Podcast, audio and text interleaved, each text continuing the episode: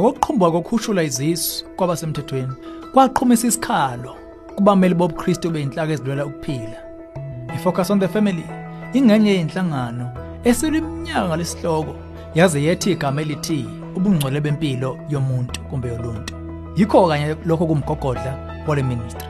Ukuze amaKristu aqonde ukulwela izinto ezinjalo adinga ukwazi ukuthi iBhayibheli lifundisani ngempilo yoluntu. Sizokhuluma ngalokho kabanzi la ohlelweni ezomndeni. Ungabusanyakaza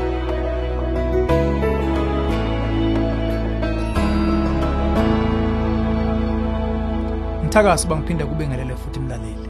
Ezomndeni uhlelo lethu ezeluleke iphathekayo ngaba ka focus on the family.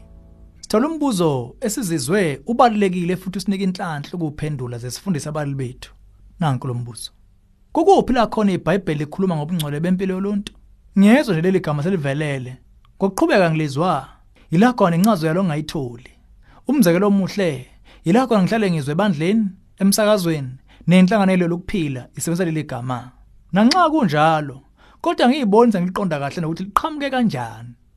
Ikhona insika yeBhayibheli ngalomqondo singakuphika ukuthi iBhayibheli yilo kuphela elikubiza kwaleli gama kukulo ukuthi impilo yoluntu ihlukile futhi ingcwele phambi kaNkuluNkulu akulona lo iBhayibheli. Kahlehle lo mqondo usiphiselo semiqondo ehlonishwayo emhlabeni? Ikakhulukazi njengamalungelo oluntu isithunzi soluntu ukulingana inkululeko nobulungiswa bezokuphilisana. Lezi insika ayigudluzwa kwintando yeningi abasetshona bona abakunaki ngokutheni lokho kodwa iqiniso lithi lamalungelo awumphumela wemfundiso zobuKristu ngempilo ezimi ngezibhalo ngokwetheology ubungcwele bempilo yoluntu bumempandeni ethi ngomfanekiso kaNkuluNkulu. ngokweGenesis 1:27 bonke abantu badalwe ngomfanekiso kaNkuluNkulu. Wonke umuntu oseke waba sesibelethweni unalomaka akhathalekile ukuthi ungubani nokuthi ngubani ongumzali wakhe futhi umzali endlelani. Ngamanye amazwi sonke ngamunye siyikhopi yomdali. Wonke umuntu umele uNkulunkulu emhlabeni lokhu yena ayikho. Kuphinde lokhu kuchaza ukuthi sidalwe ukuthokozela ubudlane naye nolunye uluntu kuze kube semaphakadeni. Yingoba ukuhlanganyela ubudlelwane nobunye buyilokhu ubuqu ntathu buyibona bukaNkuluNkulu. Qaphela ukuthi sithe wonke umuntu osake wahlala esibelethweni. Sikusho lokho ngenhloso. iBhayibheli lixexisa liveze ukuthi uNkulunkulu uhlonipha ukuphila komuntu ngamunye futhi esesesibelethweni ngisho nangaphambi kwalokho. Ngokuba wena uzenzile izinto zami wangaluka eswini sikamame amathambo ami ayingafihlakele kuwe lapho ngenziwe kusithekeni amehla akho angibona ngiseyihlule.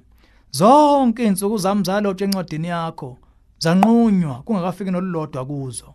Amahubo 139 verse 13 kuya ku16 bese kuJeremia 1 verse 4 no 5 kwafika kimi izwi likaJehova lathi ngiyangakubumbi esiswini ngakwazi.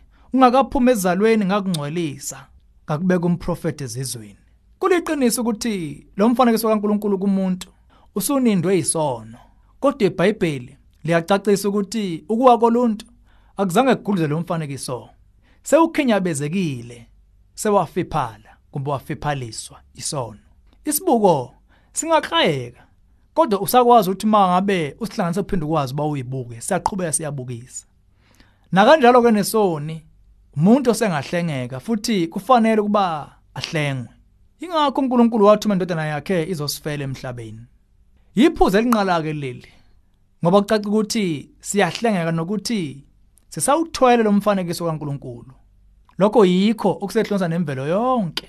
Njengokubuka kwasotheology uLouis Berkhoff ebeke kanje imfundiso yomfanekiso kaNkulunkulu kumuntu ingesemqoka kwetheology ngoba lo mfanekiso yiwo oveza lokho kwehlukile ngomuntu nangobudlane bakhe noNkulunkulu.